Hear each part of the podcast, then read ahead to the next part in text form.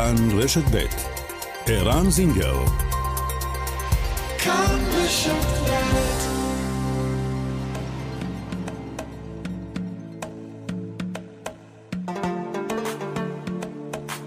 מרחבת, מגזין לעניינים ערביים בארץ ובעולם, עם ערן זינגר. مرحبا مجلة تتناول شؤون العرب في البلاد والعالم مع عيران زنجر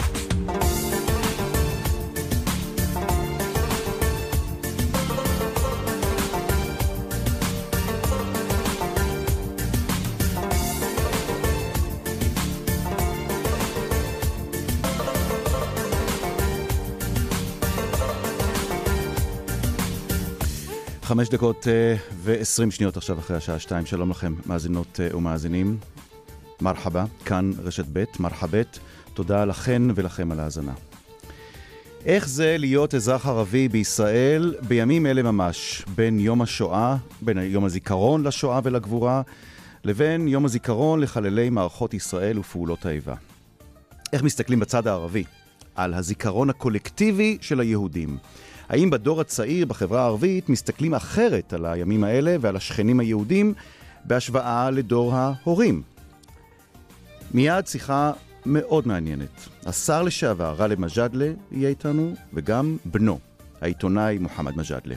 מיד.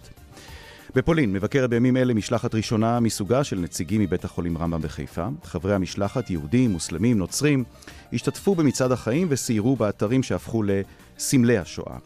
נרדין סבט, אחת מחברות המשלחת, מכירה היטב את סיפורי השואה מבית לוחמי הגטאות שם התנדבה בעבר. אבל המסע לפולין, שם היא נמצאת כרגע, המסע הזה, כך היא אומרת, משנה לחלוטין את ההסתכלות של האדם על החיים באופן כללי, גם את ההסתכלות שלה. נרדין סבט יהיה כאן איתנו תכף. ועוד במרחבת, כמאל קבשי, נפצע קשה מאוד מאש מחבלים שחדרו לקריית שמונה בשנת 1974. קבשי, אז לוחם צעיר בצה"ל, נפגע משני כדורים ונותר משותק ברגליו. לפני שנה הוא הלך לעולמו. אתמול הלך מאיתנו יונתן גפן, שכתב בעקבות מפגש עם קבשי את בלדה לדרוזי. בתו, נטלי, תספר על אבא ועל המפגש עם יונתן גפן. מרחבת, העורכת שושנה פורמן, המפיק ארז נילוביצקי, הטכנאים אוסקר טרדלר ויאיר ניומן, אנחנו מיד מתחילים.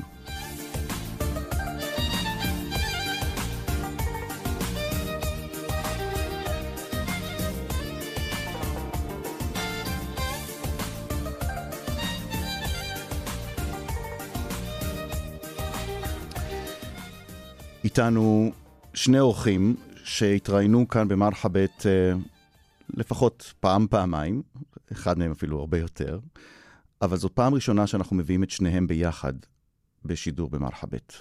שלום לשר לשעבר גאלב מג'אדלה. צהריים טובים, ערן, לך ולמאזינים.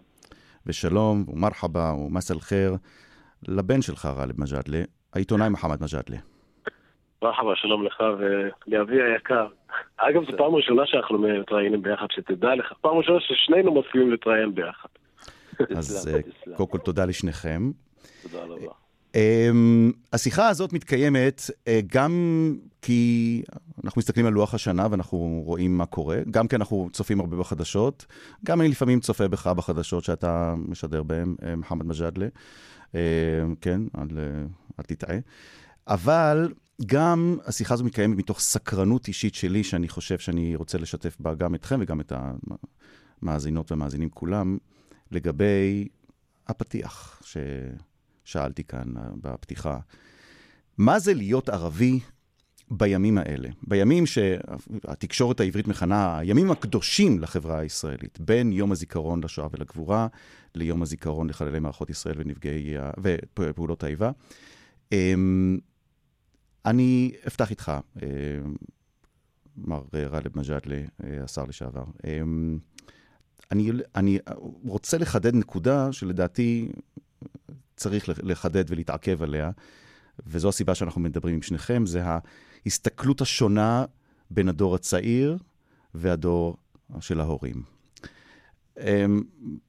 מר מג'אדלה, איך אתה מסתכל, או איך אתה חי את הימים האלה, מתוך היכרותך את היהודים, את השכנים היהודים שלך, את ההיסטוריה היהודית, ההיסטוריה הישראלית, וכמובן, ההיסטוריה שלכם, האזרחים הערבים בישראל.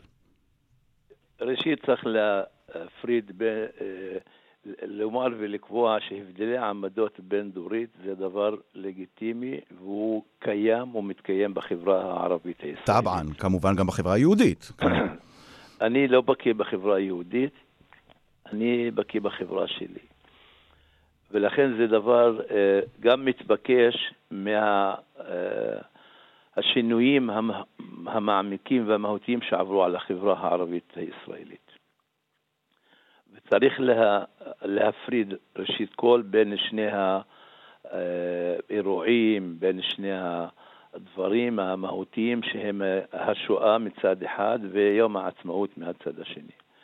לגבי השואה, מאז שעמדתי על דעתי, ידעתי שזה אירוע שהיה מתוכנן כתוכנית גזע נגד האנושות מלבד הארי הגרמני. וידוע לך, ערן, וגם למאזינים, שזה התחילו, בגר... תורת הגזע התחילה בגרמנים. כל הנכים, כל בעלי הצרכים המיוחדים, כל המוגבלים, הגרמנים, הם שילמו את המחיר ראשונים בתוכנית הגזע של היטלר. ואנחנו היינו בתור, אל תחשוב שהיה פוסח עלינו. שאלתנו אי הבנה. לכן ההזדהות שלנו כבני אדם וכבר דעת נגד כל מה שעבר בשואה ובתורת הגזע הוא דבר אבסולוטי שאין עליו ויכוח.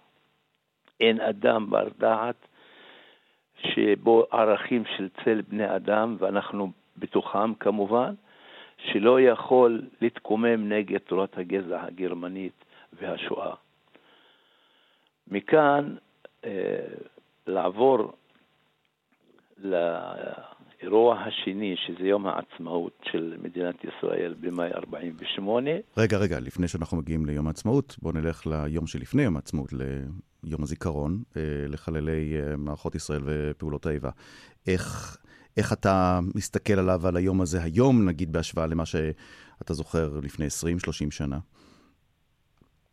תראה, אני תמיד אה, ראיתי את זה, לדעתי לא השתנתה בעניין הזה. זה יום שהעם היהודי, או העם הישראלי, יתר דיוק, איבד את בניו במלחמות ישראל, והם מעלים את זכרם, וזה דבר הכי ברור שבעולם.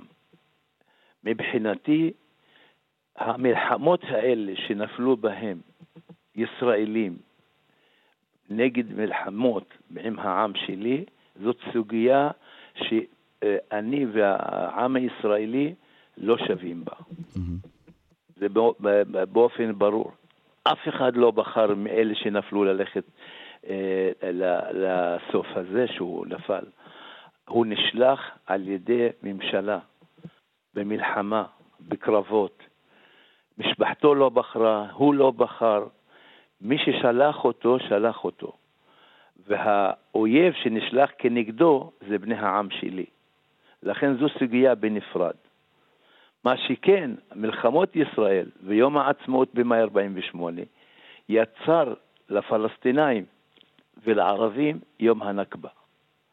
לכן יום העצמאות שלך, ערן, של מדינת ישראל, מבחינתי, הוא יום שנוי במחלוקת שהביא לעמי את הנכבה. בוא תתרגם למי ש... אם יש עוד מישהו שלא מכיר את המילה נכבה, מה זה נכבה בעברית? נכבה זה אה, המאורעות, המלחמה, הקרבות של 47-8 שהביאו להקמת מדינת ישראל. אבל על קילמה, המילה נכבה, מה משמעותה בלי קשר ל... מה זה נכבה בערבית? זה מצב שהאדם איבד את הכל. אינתקב. לא, איבד את הכל. ברגע שאנשים איבדו את בתיהם, ואנשים נהרגו, ואנשים עזבו את רמלה ואת לוד ואת יפו ועברו למקומות אחרים, וברגע שהיו טבח, כמו דור יאסין ואחרים, זאת הנכבה של העם הפלסטיני שבאה בעקבות מלחמת 48-47, כתוצאה מהקרבות האלה והמלחמות האלה קמה במאי 48 מדינת ישראל. כלומר, מה שאתה אומר כאן, שהימים האלה, הרגשות שלכם, הערבים, האזרחים הערבים בישראל, הם רגשות מאוד מאוד מעורבים לגבי התחושה שלכם כלפי השכנים היהודים, אה, בעיקר בגלל העניין הקולקטיבי, הזיכרון הקולקטיבי.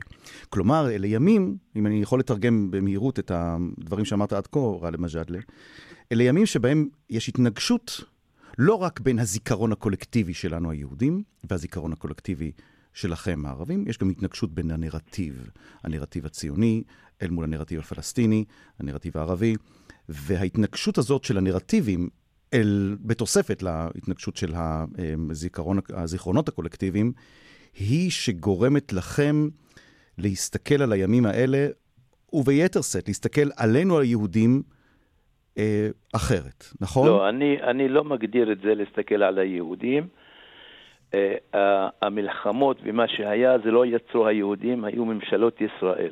ממשלות נשלטו בידי יהודים. ויש הבדל בין, בין יהודי שכן שלי כאן, לבין ממשלות ישראל. הזיכרון רגע, רגע, הקולקטיבי שלי... רגע, רגע, אמרת דבר חשוב, אבל עד כמה הציבור הערבי עושה את ההפרדה בין השכן היהודי לבין מה שהממשלה שהוא בחר בו, הממשלה שנבחרה ליהודים, החליטה לעשות במלחמה כזו או אחרת? ערן, כרגע אני מתראיין, ואני אומר את דעתי ורק דעתי, ולא okay. אוקיי. דעתו של אף אחד, והנה עוד מעט תשמע את ה... מוחמד, הבן שלי, יכול להיות שיש לו גם דעה אחרת, כי אף פעם לא דיברנו על זה. אני רק מדגיש ואומר, הזיכרון הקולקטיבי שלי בסיטואציה הזאת שאנחנו עוברים בימים האלה הם רגשות מעורבים. כל עוד הסכסוך הישראלי-פלסטיני לא בא על פתרונו ולא קמה לצד מדינת ישראל מדינה פלסטינית של העם הפלסטיני, אנחנו תמיד נראה בדגל וביום העצמאות ובהמנון ובכל הסמלים של המדינה דבר לגמרי אחר ממה שאתה רואה. אוקיי. Okay. מוחמד מג'אדלה, אמ, לצורך הרעיון הזה, העיתונאי מוחמד מג'אדלה, הפרשן והבן של גאלב מג'אדלה. הבן של גאלב מג'אדלה, איש מפלגת העבודה, בעבר שר בממשלת ישראל. אני רוצה שתצטרף לסוף הדברים, או תתחבר לסוף הדברים ששמענו עכשיו מאביך.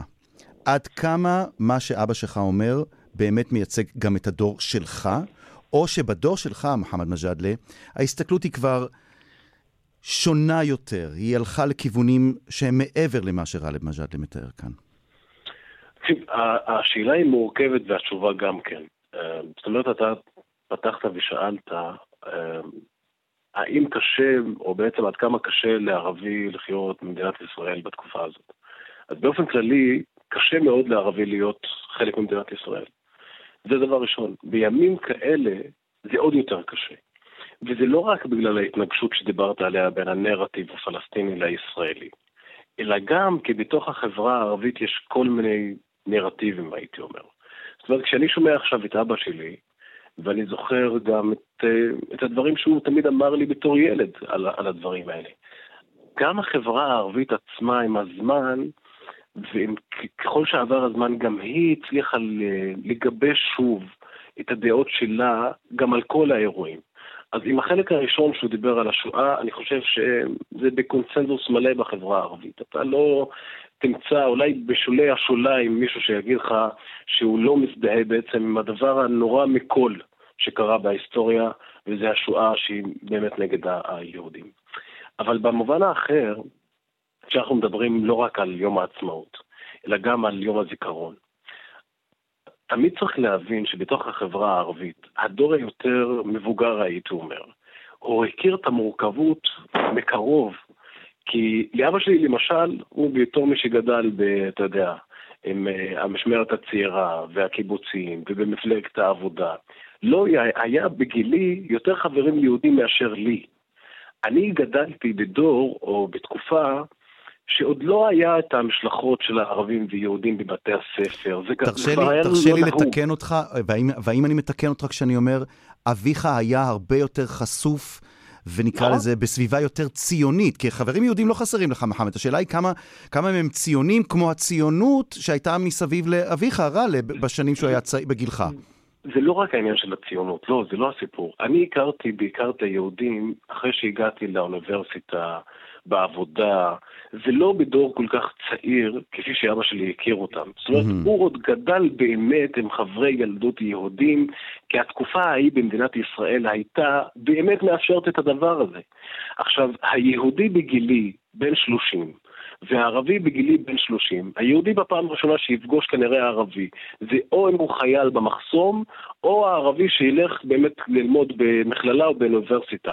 וזה כל ההבדל. זאת אומרת, אנחנו, הדור הצעיר יותר, למרות שנהוג לחשוב שככל שהחברה הישראלית עובר בה הזמן, היא צריכה להכיל יותר או להכיר יותר את הצד השני או משהו כזה, זה בדיוק ההפך. אני חושב שאבא שלי היה חשוף יותר למורכבות ולהיכרות עם מה היהודים חושבים גם על הדברים שקשורים לחברה היהודית עצמה יותר מאשר אני. למרות שאני היום, יש לי המון חברים יהודים, אבל הדור הצעיר יותר, הוא יותר פלסטיני מאשר ישראלי במובן הזה שהוא כבר אפילו לא חשוף לנרטיב הישראלי.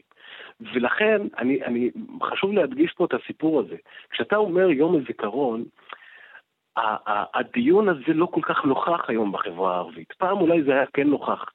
היום יש רק נרטיב, בעצם אני לא רוצה להיות להכליל, אבל הנרטיב השולט זה מה אנחנו עברנו, ולא מה היהודים עברו. כלומר, מוחמד מג'אדלה, כשיהודי בין אם הוא חבר שלך, בין אם מכר שלך, בין אם מישהו שאתה מראיין, אומר לך יום הזיכרון, או יום העצמאות, כשיהודי אומר לך יום העצמאות, אתה, או שאתה לא משתמש במושג הזה בכלל, או שאתה אומר, אה, יום הנכבה. אתה, אתה ממש, מבחינת ההסתכלות של הדור שלך, אין, אין שימוש, כאילו יום הלסתכלל זה תרגום לערבית במונח שהוא בכלל לא, לא קיים בערבית אצלכם בחברה הערבית. השימוש היחיד, הייתי אומר, זה בגלל שזה יום חופש כנראה בעבודה. לא מעבר לזה. אבל במובן האחר, כמו שעוד אבא אמר את המשפט הזה, אה, אתה יודע, המשפט הזה בשני העשורים האחרונים בערבית הוא אחד החזקים והשולטים בנרטיב. יום אסתקללוהם הוא יום נכבתונה. יום העצמאות שלכם הוא יום הנכבה שלנו. וזה בעצם מסר אולי שולט מאוד בנרטיב הפלסטיני, אבל הוא גם עושה הפרדה מאוד ברורה mm-hmm. ועושה פה שני צדדים. ושני צדדים שלא מוכנים להכיר, להכיר בכאב של האחר. עכשיו, גם במובן הזה צריך להגיד שהיהודי מבחינתו יש יום זיכרון אחד, שביום הזה נפלו החיילים הישראלים. והוא לא חושב לרגע גם שיש צד אחר ויש 527 כפרים רגע, פלסטינים רגע, רגע, אני עוצר כאן, כי זאת נקודה מאוד מעניינת. אבא שלך בתחילת השיחה אמר שאין ספק ש, שמבחינת הכאב של הצד האחר, יום אל-מחרקה, או יום זיקר אל-מחרקה, יום, יום השואה, יום הזיכרון לשואה, אין, אין ערבי ש, שיש לו איזה בעיה ל, ל, להזדהות עם הכאב או להבין את הכאב. אבל כשמדובר על יום הזיכרון, נגיד זה כך, יותר ערבים יעמדו בצפירה ביום הזיכרון לשואה, נכון. אבל ערבים לא יעמדו בצפירה ביום הזיכרון לחללי מערכות ישראל. נכון מאוד, זה מדויק. והסיבה, כי בסוף, יום הזיכרון ויום העצמאות, הוא מתייחס אלינו, אליי. זה נוגע למשפחה שלי. אין מה לעשות, בסוף איראן, מבחינתך זה יום עצמאות, וזה נכון, אבל אני לא יכול לחשוב לרגע, שהוא בעצם יפספס את המחשבה הזאת לרגע, שיום העצמאות שלך בעצם גרם גם למשפחה שלי, לבני דודים הרחוקים שלי, להיות היום בעזה ולא להיות בבאקה אל-גרבייה. בסוף זה הדבר העיקרי שהערבי הפלסטיני גם חש ביום הזה. עכשיו, בנוגע להזדהות עם הכאב של הצד השני. כן. אני חושב, ואני תמיד אומר את זה כל הזמן, במדינה הזאת יש רוב ויש מיעוט. וההתנהגות וה, של המיעוט היא יותר קשורה להתנהגות של הרוב מאשר ההפך. זאת אומרת, ברגע שאני חושב שהיהודי שמולי מוכן להזדהות עם הכאב שלי, ולהבין שיום הנכבה שלי הוא גם, למרות שהוא יודע טוב מאוד שזה מבחינתו יום שמח כי זה יום העצמאות שלו, אבל ברגע שהוא גם יודע שזה יכול להיות יום עצוב לצד האחר בגלל שזה יום הנכבה שלו, אני חושב שאנחנו נצעד בכיוון הנכון. Okay. אוקיי. אבל אנחנו רחוקים משם. ונקודה אחרונה ממש בקצרה, אנחנו רחוקים משם בדור שלי. כשבדור של אבא שלי אני חושב שהם היו יותר קרובים לזה, וזה רק מראה עד כמה אנחנו מדרדרים במדינה הזאת מבחינת השיח הזה, מבחינת ההזדהות עם הכאב של האחר, לא רק בין ערבים ליהודים, אלא גם תסתכל בין היהודים עצמם, עד כמה באמת שני הצדדים לא מוכנים כבר להקשיב אחד כן, לשני. אבל התוכנית שלנו מתעסקת בעיקר בציבור הערבי אתה אומר, אל תסבך אותי עכשיו עם היהודים. כן. בדיוק, היהודים תן לי כתוכנית אחרת. אני רוצה אבל לחזור שנייה לאביך, לגאלב מג'אדלה. עד כמה אתה, גאלב מג'אדלה, כמי שמכיר הרבה מאוד יהודים, ומכיר את הסיפורים מה, מהאירועים באירופה, מהשואה באירופה, עד כמה אתה מסתכל על יהודים ומסוגל להבין את, את, לא רק את uh, צורת החשיבה שלהם, אלא גם את הסריטות שלהם, את החרדות שלהם. זאת שאלה שאני אגב שואל לא אחת כאן במרחבת, אין בייחוד בתקופה הזאת. ערן, כן. אין אני הייתי בגרמניה, המדינה הכי הרבה בעולם שביקרתי בה זה היה גרמניה, והייתי בחילופי משלחות שאני יזמתי 25 שנה, מ-1995 עד 2015. בני נוער ערבים היו בגרמניה, גרמנים היו אצלנו בבתים. ואני מכיר את הנושא הזה יותר, אני חושב, אפילו מהיהודי. ומה אתה ביקרתי, מסיק ביקרתי מזה? בהרבה מקומות, איפה שהיטלר תכנן את התוכנית שלו, המקומות ובתי ספר שפעל בהם, המון. אני רוצה להגיד לך, הנושא הזה הוא מורכב מאוד. מבחינתי אין ויכוח. אז זה עניין של ערכים, זה עניין של מנטליות. גם, גם בדת שלי, גם במנטליות שלי, גם בערכים שלי, גם בתרבות שלי, אני דוחה עד הסף תוכנית הגזע. אני, אה, גאלב מג'אדלה, אני לא ביקשתי ממך, ואין אין שום מצב שבכלל הייתי חושב שאתה אומר משהו אחר בעניין הזה. אני שואל, האם אתם הערבים, תסלח לי שאני הופך אותך לנציג של הערבים, ותכף אני אשאל גם את, את, את, את נציג הדור הצעיר, את מוחמד מג'אדלה, האם אתם הערבים שמכירים את מה שהיה באירופה בשנות ה-30, מכירים יותר נאמר מאחרים, האם אתם מסתכלים אחרת על החרדות שלנו, על הפחד שלנו. מהשכן, מערבי, מזה ש... ערבי ש... ש... ערבי תמים לחלוטין, אבל אני כבר אומר, אה, ערבי, הוא מתכנן לעשות לי משהו. אתם, אתם מסתכלים אחרת על, על מה שעובר עלינו? אה, ערן, יותר מזה, אני תמיד אמרתי, ואני אומר לך את זה לפני 30 שנה, לא חדש. תמיד אמרתי לחברים שלי, יש לעם היהודי חרדות ותסכולים, ולא רק, לא שריטות, פצעים ממה שעבר עליהם בשואה. ולפעמים יש התנהגות לא מובנת מה- מהטראומה הזאת עכשיו, אחרי שקמה המדינה ש... שנים רבות, לצערי כלפינו.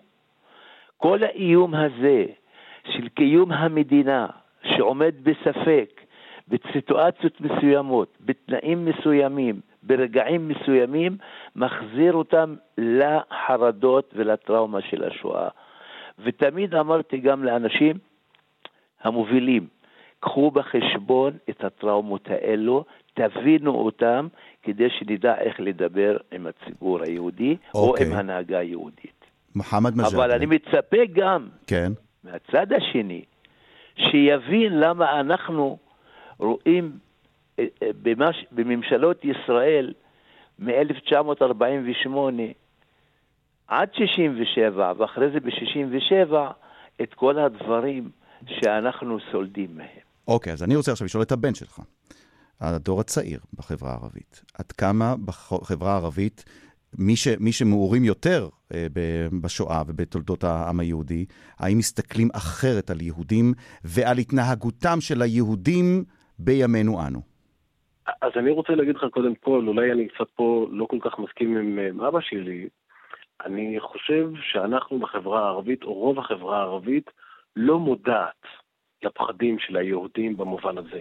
מהמם. והסיבה היא שאנחנו לא מכירים מקרוב, לא בחינוך שלנו, למרות שיש במערכת החינוך ולומדים על השואה, אנחנו לא מכירים מקרוב באמת את, את, את, ה, את החששות, את הפחדים, את התסכולים האלה.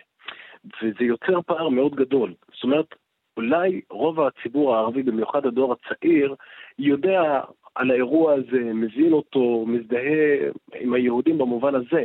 אנחנו לא יודעים לעומק באמת את הסיפורים, את הדברים הנוראיים, את החוויות, את, את, את התחושה הזאת של הנרדפות. אה, אני חושב שזה מייצר פער מאוד גדול כן. בין מה שהערבים חושבים על היהודים לבין מה שהיהודים חושבים על עצמם. ולכן הייתי אומר, ערן, וזו נקודה מאוד חשובה, מה שאתם חושבים על עצמכם, זה לא מה שאנחנו חושבים עליכם. זאת אומרת, אתה חושב, למרות שאתה הרוב במדינת ישראל, אתה עדיין חי עם תחושת מיעוט נרדף. אבל אנחנו לא, לא רואים את זה ככה. אנחנו מסתכלים עליכם ואומרים, רגע, להם יש את הצבא, להם יש את המדינה, להם יש את הדגל ואת ההמנון ואת הסמלים ואת המודיעין ואת המשטרה ואת הכל ואת כל הכוח. אז מי אנחנו בתור מיעוט קטן בכלל, שיהיה להם איזה חשש או, או, או פחד באמת שיום אחד נקום עליהם ובעצם לא, נכחיד אותם. אנחנו לא חיים את זה, באמת, אנחנו לא חושבים על זה כפי שאתם חושבים. ולכן אני אומר, ההפך, אנחנו אלה שמרגישים את תחושת המיעוט הנרדף. ובלי שום השוואה, כמובן, אין כל השוואה בין השואה לבין מה שאנחנו חווים פה, אבל, אבל הכוונה היא, אנחנו גם מצפים, זאת אומרת, הדור הצעיר יותר, הפלסטיני, הערבים, אזרחי מדינת ישראל, דווקא מצפים, בגלל הדברים שאתם עברתם, כן. להבין את תחושת המיעוט. וזה כמובן מיעוט אחר לגמרי, אבל עדיין, אנחנו פה המיעוט שמרגיש מאוים ונרדף, אבל במקביל, אתם אלה שמרגישים עדיין מיעוט, ולכן יש פה פער מאוד גדול וחשוב, שעכשיו כשאתם מדברים, אולי פעם ראשונה אני חושב על זה, שהערבים לא תופסים את היהודים במדינת ישראל כפי שהיהודים תופסים את עצמם, וזה דבר מאוד מעניין. תשמע, אה, אני חושב שזו אחת השיחות החשובות, איך אומרים בלערבי, חדית' יעני סריח אה, ומות'יר והם, יעני מה בינינו, שהיו פה שיחה, שיח, היה פה שיח שתסכים איתנו, גאלב מג'אדלה? אה, אני מסכים איתך. אני הייתי מצפה מהתוכנית הזאת לכל מי שמאזין לה מהציבור היהודי, שייקח ממנה אולי נקודת מפנה בדברים שנאמרו, וכל הדברים שנאמרו, כדי אוקיי. שהפועל היוצא שיהיה, שהמטרה שאנחנו מתרחקים ממנה כל הזמן, פתרון הסכסוך הישראלי-הפלסטיני, ולא תוכנית אברהם, ולא השלום אברהם, ולא בחריין, ולא קטר, בורחים מהבעיות, מהבעיה האמיתית, לב okay. אוקיי. הסכסוך, והולכים לעשות לשלום עם אנשים שהם לא צד בשלום. השר לשעבר גאלב מג'אדלה, ובנך העיתונאי מוחמד מג'אדלי. אני מאוד, מאוד מודה לשניכם. אני מאוד מודה לכם על ההשתתפות שהסכמתם לשניכם אה, לחלוק לנו. גם אם אנחנו לא מסכימים, יש דבר אחד חשוב מהשיחה הזאת. עם תחושות אי אפשר להתווכח. לא תחושות של יהודים ולא תחושות של ערבים. אפשר להתווכח על הרבה מאוד דברים היסטוריים, אזוריים, עובדתיים, אבל על תחושות אי אפשר להתווכח. אני מאוד מודה לשניכם. תודה רבה. תודה רבה, תודה ערן. מיד נעבור לפרסומת. כאן רשת ב'.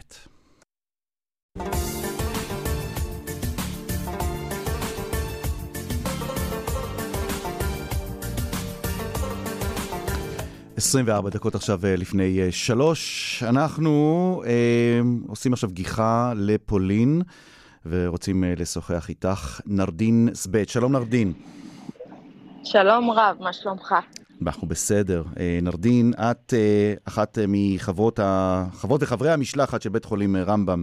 למסע בפולין. את היועצת המשפטית, ראש המחלקה המשפטית בבית חולים רמב"ם. ואת מגיעה לפולין אמ, עם תובנות אמ, לא מעטות על השואה. את התנדבת בעבר בלוחמי הגטאות, אבל נכון. זה, זה ביקור ראשון שלך אבל בפולין. זה ביקור ראשון שלי בפולין, במחנות, כן. במחנות. כמה זה שונה כאזרחית אה, ישראלית ערבייה, שאת מסתכלת על מה שלמדת, מה שידעת דרך לוחמי הגטאות, שאת מגיעה בפעם הראשונה לפולין? אני חושבת ששום הכנה ושום אה, למידת טקסט אה, ושום ביקור בבית לוחמי גוטאות ולא ביד ושם ולא בכל מוזיאון אחר בארץ יכול באמת להעביר את הזוועות שהיו שם. ברגע שאתה יוצא טפות במחנות הריכוז וההשמדה, ואתה עומד שם, זה פשוט אה, חוויה שאי אפשר לתאר אותה. תני לי דוגמה למשהו שעשה לך, שינה את התחושה שלך, את ההסתכלות שלך, כשהגעת עכשיו לשבוע לפולין. אני, אני אגיד לך מה, אתה גם עובר uh, סטפים בדרך בחיים שלך. בגיל 16 עוד לא הייתי אימא. אני היום אימא לשני ילדים מקסימים, מואסף וג'וד, ולבוא לכאן ולשמוע את הזוועות של השואה uh, בעיניים, במשקפיים של אימא, זה משהו שאי אפשר, אה, שהראש והלב לא יכולים להכיל אותו. אה, להבין שאימהות ישבו כל יום והיו צריכות לקבל החלטות הרות גורל, כמו האם אני משלחת הבן שלי, לא משלחת אותו, האם אני אומרת לו לך לשם, או אל תלך לשם ומחביאה אותו, זה משהו שהראש והלב לא יכולים לתפוס אותו. אמ, אני רוצה לשאול אותך אישית, בהסתכלות אישית, לגבי הזהות שלך אמ, אה, כישראלית, אזרחית ישראלית אמ, מהחברה הערבית בישראל, כשמגיעה לשם, את מסתכלת אחרת על דברים שקשורים בחיים שלך, בחיים שלנו כאן? את מסתכלת על, על, על מה שאת רואה שם בפולין כ, כמעשים, כפשעים שנעשו נגד האנושות, או נגד היהודים, או גם וגם? איך, איך, מה עובר לך בדיוק בראש שאת מסתכלת על הדברים האלה? תקשיב, קודם כל אי אפשר להתנתק מהעובדה שזה פשעים שנעשו נגד היהודים. נקודה. זה גם פשעים נגד האנושות, כי בסופו, בסופו של דבר כולנו בני אדם. אמ, כאזרחית מדינת ישראל, אני חושבת שזה, שזה משהו שהוא goes without saying, שאתה צריך ללמוד את הנרטיב הזה. אי אפשר להתנתק מהשואה, אי אפשר להתנתק מהסיפורים ואי אפשר להתנתק מהדבר הזה. וברגע שאתה אזרח ישראלי, חייב להבין את הסיפור הזה על מנת להבין את ההוואי שנמצא פה. במסע בפולין אה, נתקלת בעוד אה, ערבים מחוץ לישראל שבאו למסע הזה. יש גם במשלחת שלכם אה, אה, אזרחים ערבים, יש גם אה, נכון. משלחות שיוצאות מישראל של ערבים. אמ, יצא לכם קצת לשוחח, קצת לדבר ביניכם? לצ... עם חברי המשלחת שלי כן, אבל עם חברים ממשלחות אחרות לצערי לא. מה לגבי חברי המשלחת שלך? על מה אתם מדברים ביניכם? תקשיב, אנחנו, אנחנו חולקים, אני חושבת שכל מי שנמצא במשלחת, אה, אה, זאת משלחת מאוד מגובשת. בכל זאת בית חולים רמב"ם, 50 מנהלים ומנהלות מנהלות שיוצאים, חווים את החוויה הזאת, כולל חברי המשלחת הערבים, מבינים, מנסים להבין את מה שקורה פה. התחושות הן מאוד קשות. אה, אתה מגיע לפה וזה ימים מאוד אינטנסיביים, שיתפנו גם במצעד החיים, שזה חוויה בפני עצמה. זה כן לחוות את האופטימיות שבסופו של הסיפור הזה. אבל זה ימים קשים שבהם אתה עובר מגטו לגטו, שומע את הסיפורים האישיים, ובוא, הסיפורים האישיים זה מה ששובר. האימא שעזבה את הבן שלה, האבא שלא הצליחו להציל אותו, אה, הנעליים שנשארו שם, כל הדברים הקטנים האלה והירידה לפרטים, הזוועות של הירידה לפרטים ואיך הורגים ורוצחים בני אדם, זה פשוט בלתי, בלתי ניתן לעיכול, ואני חושבת שכולנו שותפים פה בהרגשה הזאת. איפה את עכשיו? איפה אתם נמצאים עכשיו, אה, חברי המשלחת? מאיפה לאיפה אתם נוסעים? אז הרגע אה, סיימנו את הסיור שלנו אה, בלודג', בגטו ובבית העלמין, ואנחנו בדרך לחלמנו. אמ, את התראיינת השבוע גם בטלוויזיה וגם ברדיו בערבית, בשידורי מכאן. נכון. כמה, קיבלת תגובות מצופים, מאזינים ערבים? קיבלתי המון תשובות, אה, המון אה, תגובות, זה היה מאוד מפתיע, כי לא חשבתי שזה ראיון שירוץ. אה, אנשים מאוד, קודם כל מופתעים כמובן, על עצם העובדה שאני חלק ממשלחת כזאת, אבל גם מאוד מפרגנים ומבינים את החשיבות ואת המהות של משלחת כזאת. אני באמת חושבת שזה, שזה משהו שהוא, שהוא קודם כל אנושי, שתיים, באמת, דבר שצריך ללמוד אותו. זה משהו שאמרתי גם בטלוויזיה, בשפה הערבית, ואני אשמח להגיד אותו גם כאן, אני מזמינה את כל אזרחי המדינה הערבים כן לחוות את המסע הזה מתישהו בחיים שלהם. אני גם לוקחת את זה כפרויקט אישי שלי, לנסות ו... ולקדם את הנושא הזה גם בבתי הספר אצלנו. אחרי שאני מצ... עברתי את המסע. אני מצטרף, כמי שהיה שם, גם לא רק ערבים, גם יהודים. יש גם יהודים שצריכים אה, להסתכל, אם הם יכולים להגיע לשם, להסתכל על, איך אמרת בריאיון בערבית? הפרופורציות משתנות בחיים כשאת uh, נמצאת שם, נכון?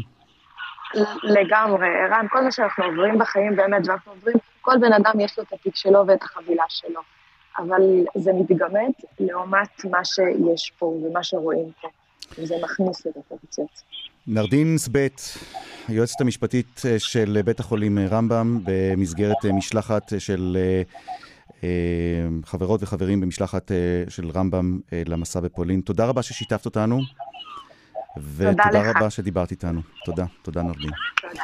נצא לפרסומת, ואחרי הפרסומת ניזכר ביונתן גפן ובאחת מהיצירות, מהיצירות הרבות מאוד שלו, בלד על הדרוזי. כאן רשת ב'.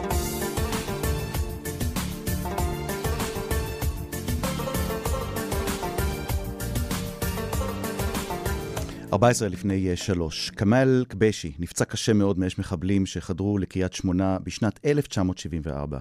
קבשי, אז לוחם צעיר בצה"ל, נפגע משני כדורים ונותר משותק ברגליו.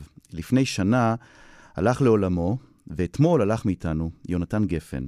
גפן כתב בעקבות מפגש עם קבשי את בלדה לדרוזי. שלום לנטלי. שלום, צהריים טובים. נטלי, את אה, בתו של אה, כמאל קבשי. נכון, בתו הבכורה. בתו הבכורה. לפני שנמשיך, בואו נשמע את בלדה הדרוזי מ-1974. יונתן גפן נותן לדני ליטני לקרוא את הטקסט שהוא כתב, אז הנה. מה שהכי ריגש אותי ברצינות החודש זה ההתנהגות אל הדרוזים. אז כתבתי שיר חדש שדני יקרא אותו. השיר נקרא ילד חוץ. בכפר הירוק במורדות הכרמל נולד בן נאמן למדינת ישראל. למד בבית הספר, בנים לחוד, שתי שעות מוחמד, שתי שעות ציונות. דהר קדימה לאן שהרוח נשבה. בגיל שמונה עשרה התגייס לצבא, דווקא לסיירת, דווקא לקורס קצינים, ומפקדיו התגאו בו, חילקו לו ציונים, ואמרו, נו, עם הדובון ועם העוזי, קשה לראות עליו שהוא דרוזי. בקריית שמונה, מול האש והרוצחים, הוא רץ ראשון, שלף אקדחים. ראשון נפל במעלה המדרגות, פצוע קשה, רגליו משותקות.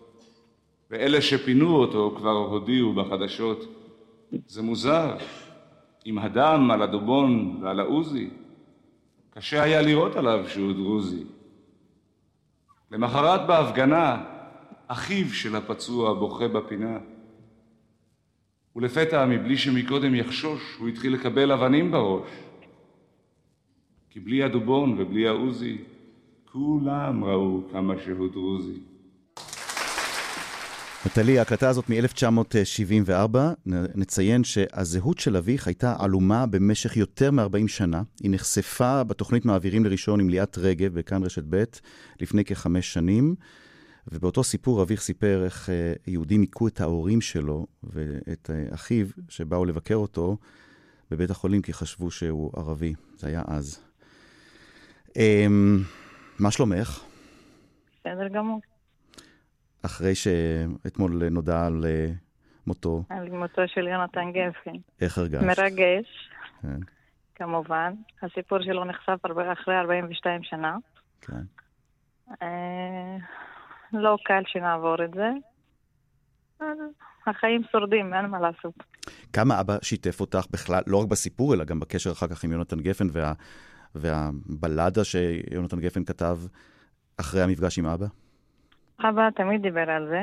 Mm-hmm. ספציפי מתי נפגשו אני לא יודעת, אבל uh, תמיד היה מספר את הסיפור שהוא נפצע ב-74 ולקחו אותו לבית חולים בצפת, ואז סבא שלי וסבתא שלי ניגשו לשם. והם זרקו עליהם אבנים, ותיארו אותם שהם ערבים ואכזרים וכל מיני דברים. והוא תמיד סיפר את זה, והיה משתף אותנו בזה גם. כמה הבלד על הדרוזי שכתב יונתן גפן על אביך, כמה היא עדיין רלוונטית? הבלדה שנכתבה ב-1974, כמה היא עוד רלוונטית ב-2023? בשבילי היא תישאר רלוונטית כל החיים. אה, זה מאוד מרגש. אבל מעבר לסיפור... להזכיר אותו ש... בסיפור כזה. מעבר לסיפור של אבא, התחושה כדרוזית, של בת, בת העדה הדרוזית. כי, כי אבא מספר בסיפור לא רק את הסיפור של אביך המנוח, הוא מספר את הסיפור של, של הטייפה, נכון? של, של העדה הדרוזית. של העדה כולה. כן. אה, אבא ביקש שנחשף הסיפור, ביקש משהו, דבר אחד, של לתקן את חוק הלאום. ואנחנו נמשיך, בשבילי נמשיך במתכונת שלו ותישאר אותה בקשה. Mm-hmm. אם תשמע את הכתבה שהייתה עם רינת אז, אה, בכל הסיפור הזה, הוא ביקש בשביל העדה לתקן את חוק הלאום. ומה עוד את זוכרת אז מאותו מפגש? מה עוד אבא סיפר לך על המפגש עם יונתן גפן? בכלל, אה, כמה זה, כמה זה היה מוזר אז מבחינתו שפתאום בא יוצר כמו יונתן גפן ונפגש עם אבא ו- ומחליט לכתוב שיר, בלדה על אבא. כן, גם כשהוא כתב את השיר הוא לא ידע, לא ידע אז מי גם מי האיש. אמרתי לך, הוא נחשף רק אחרי 42 שנה. ובטח, זה היה מרגש. תמיד אבא סיפר על זה שאפילו שהוא נפגש איתו, זה היה מרגש. כי אבא שלי, אח... נפגשו, איך שזכור לי, נפגשו שאבא התמודד לכנסת, משהו במתכונת של רפול. כן. אבל אז נפגשו שם באיזשהו מקום. כן. וגם הוא התרגש, כאילו שהוא פגש אותו, למרות שהוא לא מכיר על מי כתב את השיר. הזכרת את חוק הלאום, וכמה שחוק הלאום פגע באבא שלך. מה הוא סיפר לך על חוק הלאום שפגע בו? חוק הלאום פגע לא רק באבא שלי, פגע בכל העדה. ועד היום אנחנו נמשיך באותה מתכונת ובאותן בקשות ובאותו סיפור, שאנחנו מבקשים לתקן את חוק הלאום כמו שאבא שלי ביקש. מה, מה את זוכרת מהשיחות איתו על חוק הלאום? תשמע, בשבילי, אבא שלי נפצע ב-74. Mm-hmm. היום, אחרי שנה שהוא נפטר, גם אני סופרת שהוא 48 שנה ולא 47, פצוע בקריית שמונה. מה הוא סיפר לך, אגב, והוא... על, על מה שקרה בקריית שמונה? כמה, כמה הוא שיתף אתכם, את המשפחה, על אותה פציעה, על אותה התקלות עם מחבלים? תמיד, תמיד אנחנו משתפים בשיחה, תמיד הייתה שיחה משותפת בבית על כל המצב. Mm-hmm. היה חדירת מחבלים שם, היה ירי, אבא קיבל שני כדורים בגב, ונפצע ופינו אותו לבית חולים בצפת. כמה האירוע הזה, נטלי, הבת של כמאל קבשי, כמה האירוע הזה בקריית שמונה והיחס אחר כך אליו, וכמו שאת מצפרת, מה שהוא חווה מחוק הלאום, כמה זה שינה או לא שינה את הזהות שלו, את ההזדהות שלו כישראלי? כמה זה, כמה זה, כמה זה גרם לו להרגיש יותר ישראלי, פחות ישראלי? תשמע, אבא שלי גם גאה במדינה שלו, על זה אין ספק. תמיד, אה, למרות כל המצב שלו, הוא גם היה גאה בעצמו והוא היה גאה שהוא במדינה הזאת. אה, אבל בשביל חוק הלאום זה פגע בו קשות, כאילו, למרות משהו, משהו, והוא מאה פלוס מיוחד, נכה מאה פלוס מיוחד. וגם לבוא ולהגיד שחוק לאום נגד העדה שלנו, זה מאוד קשה. זה לא קל, כאילו, שתשמע שאתה סוג ב'. אמ, את אומרת שאתם אתם תמשיכו את הצוואה של אבא, להמשיך ולנסות ולשנות את חוק הלאום. מה, מה את חושבת שצריך לעשות? שיתקנו את חוק הלאום, שתהיה ממשלה כמו שצריך. ואנשים יפסיקו לסבול מכל, מכל הסיטואציה הקיימת עכשיו, ושאנחנו נהיה, לא נהיה סוג ב', נהיה כמו, כמונו, כמו כל האנשים במדינת ישראל. מה את רוצה היום למסור למשפחה של יונתן גפן, שיובא מחר אה, למנוחות בנהלל? דבר ראשון, בשבילי זה גאווה גדולה שכתב שיר לאבא שלי. שיהיה זכרו ברוך, וזה יישאר בשבילנו מזכרת לכל החיים. אמ, הטקסט הזה, את יודעת אותו, אני מניח שאת כבר מכירה אותו בעל פה, את הטקסט של בלד על הדרוזי. כמה הוא נפוץ אצלכם, נגיד, במשפחה? כמה נפוץ ב, ב, אמ, בסביבה שלך, הסיפור של... זה נפוץ מאוד. במשפחה כולם יודעים את זה, כולם שומעים את זה, בניידים שלנו כולם יש לנו, בבית שלנו, לדודים שלי, כולם שומעים את זה וכולם יודעים על זה. אז מה שאת מספרת כאן, אה, נטלי, שהשם יונתן גפן, עם כל המשמעות הגדולה שיש לנו באופן כללי לחברה הישראלית, יש לו גם מקום מיוחד בלב שלכם, אה, הדרוזים. כן, בטח. בשבילנו זה גאווה גדולה שיונתן גפן גם יכתוב שיר כזה לאבא שלי. למרות חשיפה אחרי 42 שנה, אבל גם זה גאווה. נטלי קבשי, בתו של כמאל קבשי, שהלך לעולמו בשנה שעברה, ואותו כמאל קבשי הוא, הוא האיש שעליו כתב יונתן גפן את בלד על הדרוזי. תודה רבה ששיתפת אותנו. תודה רבה שבאת אלינו לשידור. תודה לך, המשך יום טוב.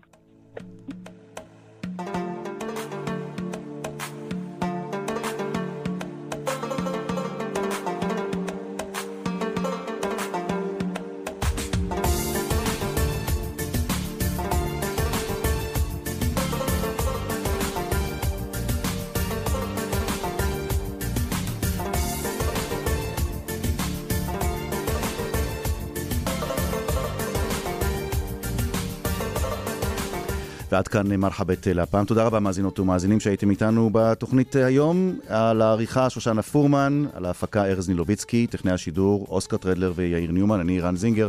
בשבוע הבא תהיה פה אימאן קאסם סלימאן. شكرا جزيلا لجميع المستمعين والمستمعات. إلى اللقاء, כאן רשת ב'.